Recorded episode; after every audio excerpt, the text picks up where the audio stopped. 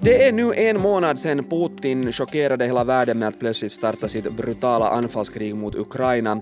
Tidigt under morgonnatten till torsdagen den 24 februari släpptes de första bomberna.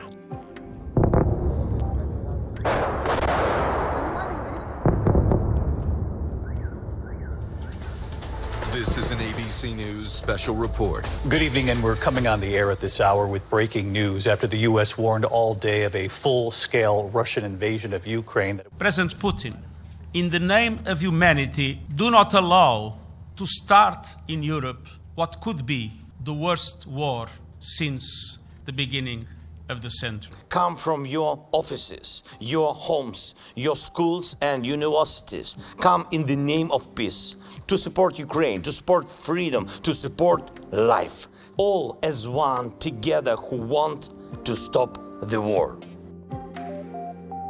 Sist här hörde vi president Zelensky som uppmanar folk runt om i världen att stödja Ukraina stödja freden i ett försök att få slut på det här kriget. Så finns det mera eller mindre hopp nu än när kriget bröt ut? Det här ska vi diskutera här i nyhetspodden. Jag heter Johannes Taberman och med mig har jag Ilmari Käihkö, docent i krigsvetenskap vid Försvarshögskolan i Stockholm. Välkommen med igen. Tack så mycket.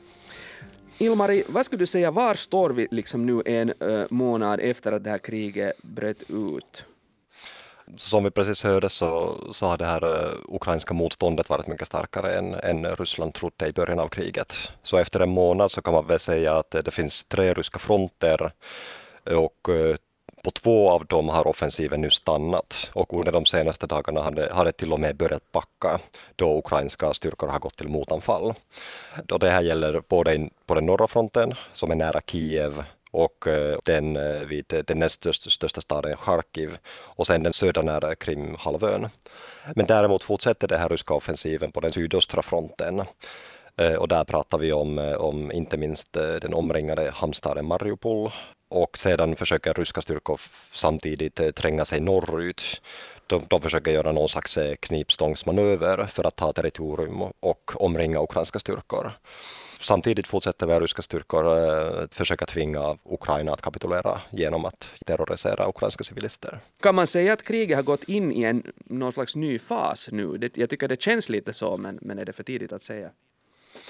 Eh, det, det känns som det just nu, men som du säger, det, det är svårt att säga. Och eh, efter en månad av kriget så det är fortfarande svårt att säga att är det, är det här fortfarande början av kriget?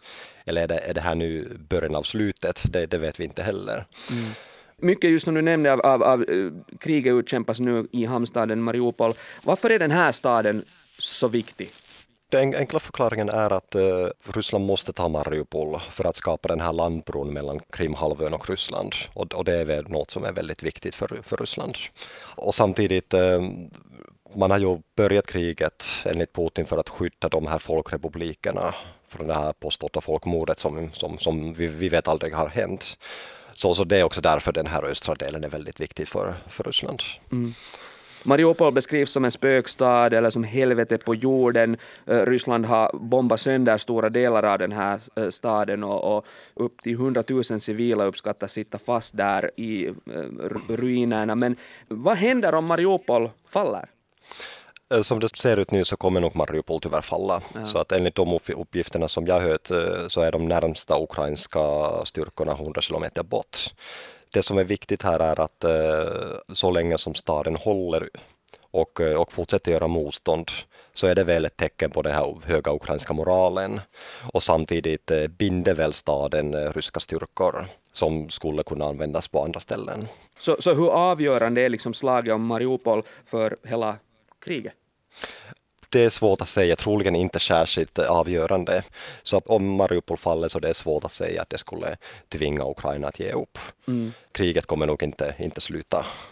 Nej. Du konstaterar att det, det, det binder upp ryska styrkor nu, slaget om Mariupol. Men v, vad händer sen när då Mariupol faller? Det verkar bara vara en tidsfråga. Är, är Odessa nästa eller, eller tror du Ryssland gör ett nytt försök att uh, inta Kiev? Vad kan vi vänta oss? Ja, men Kiev det är fortfarande det största priset i kriget. Men som sagt, vi har sett eh, ryska styrkor backa från den fronten nu. Och vi vet också att Kiev det är väl, eh, väl fortifikerat av, av ukrainska försvarare, så det kommer att ta enormt mycket för Ryssland att, att ockupera staden. Eh, vad händer om Mariupol och när Mariupol faller, så då är det väl sannolikt att de styrkorna som har ockuperat eller omringat stan, vissa av dem kommer att ockupera stan, som, som du sa, det finns kanske hundratusentals civilister kvar. De kan fortsätta göra motstånd givetvis. Eh, sen är det möjligt att eh, de andra ryska styrkorna som, som blir fria nu, att de deltar i det, i den här kniptångsmanövern norrut. Vad skulle du säga, liksom, om, om man försöker se på den här helhetsläget nu, finns det mera eller mindre hopp nu för Ukraina än när kriget började? Det är intressant att komma ihåg nu att när kriget började så det var flera analytiker som trodde att, eh, att Kiev skulle falla inom 72 timmar. Och det här har inte hänt än. Så att det, man måste väl tolka som att läget är mycket mer hoppfullt än det var en månad sedan för Ukraina. Vad säger dina kontakter i Ukraina? Ser de också så här på, på läget? Absolut, och eh, bokstavligen alla som, som jag pratat med i Ukraina tror att Ukraina håller på att vinna. Och det finns även sociologisk forskning i Ukraina som publicerades tre dagar sedan som visade att 93 procent av ukrainare tror på att eh, Ukraina kommer att vinna det här kriget. Men kan man tala liksom om att vinna kriget i ett sånt här skede när vi redan har sett så, så stora förluster? Absolut, och eh, det, det, är också en intressant fråga att vilken sida kan ta eh, med förluster? Är det Ukraina eller Ryssland? Ehm, Ukraina förs försvarar ju sitt land, eh, sin självständighet, sin suveränitet, sin existens. Vad gör Ryssland här? Ehm, så att vi har fått massa lögner om att eh, försvara folkrepubliker mot folkmord och om nynazister som styr i Kiev. Ehm, hur mycket förluster är Ryssland beredd att ta för sådana, eh, låt oss säga, falska mål? Det återstår att se. Ja, vad säger du liksom om ukrainarnas uppoffringsvilja? Hur högt pris är de redo att betala för sin självständighet? Eh, jag skulle säga att väldigt hög. Och eh, det handlar inte bara om självständighet utan ren existens. Mm. Så att eh, om man nu läser vad till exempel Putin har sagt om Ukraina, att egentligen alla ukrainare de är ryssar de, de kanske bara inte förstår det. Så att det är inte konstigt att många av mina ukrainska kontakter tror att Ukraina skulle sluta existera om Ryssland vann kriget. Eh, det här är kanske är en naiv fråga, men jag försöker liksom förstå liksom att varför inte bara lägga ner vapnen och rädda sina liv, som ju Putin nu har eh, föreslagit för invånarna i Mariupol. Jag menar, att vad skulle vänta ukrainarna om de nu skulle ge upp, tror du? Ja, jag frågade den här frågan från, från några av mina ukrainska kontakter och de blev jätteförbannade och de tyckte att nej, men sånt här kan man inte ens fråga, att det, det här finns inte på kartan. Eh, som sagt, eh, Ukrainas existens skulle sluta. Det, det, är så de tror och de tycker att sådana här frågor eh, de är bara för, för Putins fördel. Mm. Så att eh, läget har blivit så pass polariserat att, eh, att, eh, att ge upp det, det är inte ett alternativ.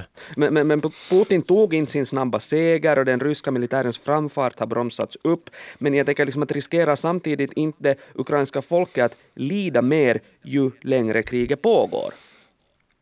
Mm, absolut, men det kan också gå åt två håll. Man, man har ju börjat rikta attacker mot civilister för att bryta ner det ukrainska motståndet. Men som det ser ut nu så har man snarare ökat motståndet eftersom man har visat sitt sanna ansikte här. Och den här eh, terrorkampanjen, det har, det har inte funkat hittills. Och eh, vi får nog se om, eh, om den kommer att funka överhuvudtaget. Mm. Fredsförhandlingar förs ju nu hela tiden.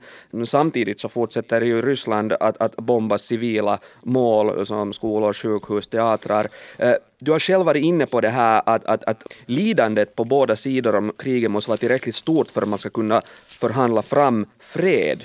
Eh, när är lidandet tillräckligt stort för att en fred ska vara i sikte? Ja, jag, jag önskar att jag visste, men um, det beror på hur Zelensky tänker så givetvis eh, påverkar allt det här civilt lidande på honom och han som president, som den högsta beslutsfattaren, han, han måste ju bedöma situationen hela tiden. Men än så länge har han inte visat att han, han skulle vara beredd att ge upp. Det som han har visat dock är att han är villig att diskutera och de här fredsförhandlingarna de pågår ju hela tiden. Och, och, det är väl ett positivt tecken. Men än så länge känns det som att, eh, att det är kanske för tidigt att, att vara väldigt optimistisk om någon snabbt resultat. Och när det gäller Ryssland så vi vet inte riktigt vad som pågår i Ryssland. Um, vad som pågår eh, bland de eh, högsta beslutsfattare. Och de har inte varit så himla öppna med, med deras åsikter och tankar, utan det enda budskapet som, som jag har hört är att eh, kriget går jättebra för Ryssland, vilket vi vet inte riktigt stämmer. Så ännu finns inte fred i sikte, men, men vad är det egentligen man kan förhandla om i ett så här låst läge när ett krig rasar? Ja, men det är väldigt viktigt att, att det finns eh, att det finns förhandlingar och det, det, är väldigt bra att de började redan, redan tidigt i kriget. Men så länge som båda parter eh, känner att de kan förbättra deras eh, förhandlingsposition genom fortsatt krigföring så kommer de nog göra det. Och det är det som vi ser i dagsläget. Och det är inte minst på grund av de här ukrainska motoffensiven. Att eh, det är ett tydligt bevis på att, eh, att Ukraina har möjligheter att ändra det här kriget. Att ta, ta tillbaka initiativet minst lokalt och att eh, man kan, man kan stoppa den ryska offensiven. Som sagt, kriget har pågått i en månad och, och det här kriget har ju också stått Putin och Ryssland väldigt dyrt. Eh, det finns vissa rapporter som säger att upp till 15 000 ryska soldater skulle ha dödats. En massa dyr militärutrustning har förstörts, för att inte tala om alla de här massiva sanktionerna mot Ryssland. Så hur länge har Ryssland ens råd att kriga ännu? Det är också svårt att säga. Eh, men det som flera analytiker tror att Ryssland måste rent militärt ta en paus snart och kanske börja en ny fas i kriget då. Ja, också den här Zelenskis egen rådgivare har, har sagt att, att krigets aktiva fas kan vara över om en månad. Men vad händer efter det? Ja, men då är det väl så att uh, man går i försvarsställningar och att vi inte ser uh, större offensiver i den nära framtiden då kommer nog båda parter eh, försöka upprusta sig på, på fortsatt krig eller fortsatta offensiver så gott som de kan. Men kan vi alltså ha framför oss liksom månader av ett sånt här, vad ska vi säga, ställningskrig? Det är mycket möjligt och till och med år kan det bli. Så, men, men, det, men det är för tidigt att säga. Kan inte Putin försöka på ett sätt upprepa Eh, samma strategi som han tog till i östra Ukraina efter annekteringen av Krim 2014, det vill säga att han, att han stannar kvar med sina styrkor i väntan på att omvärldens engagemang kanske falnar och fokus sakta börjar flyttas åt ett annat håll och så går det år och ett år och ett år till och så är han bara kvar. I princip är svaret nog ja, men den här gången är motståndaren mycket starkare och mycket argare.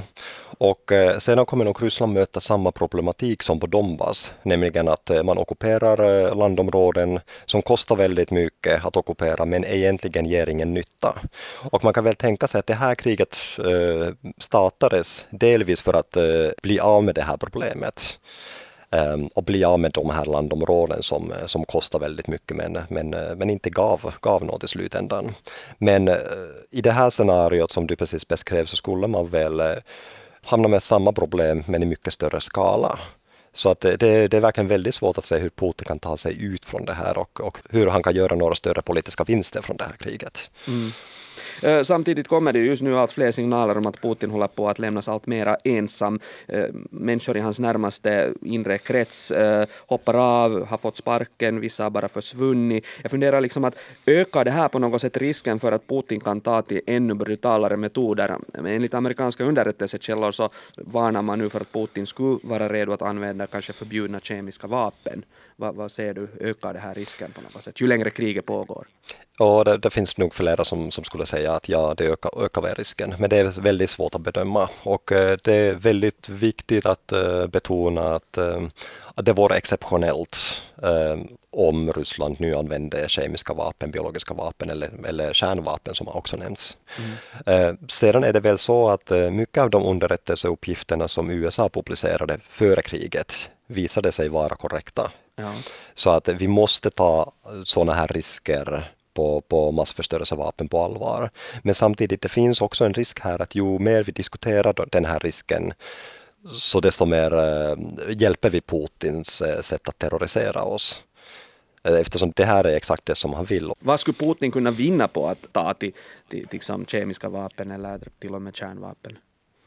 Om det är också, också svårt att säga. Så på sätt och vis skulle han väl kunna terrorisera den ukrainska befolkningen ännu mer. Men här finns det också en risk att om man gör sådana här, såna här attacker nära NATO-länder, att det finns en risk att, eh, att konsekvenserna sprider till till exempel Polen. Och då kan man väl börja diskutera artikel 5 och eh, det finns väldigt dumt från Rysslands sida att ens tänka på något sånt här, att eskalera kriget på det här sättet. Men återigen, frågan är om Ukraina skulle ge upp. Alltså skulle, skulle, man ha, skulle de här attackerna ha någon strategisk effekt? Det, det, det, det är svårt att säga.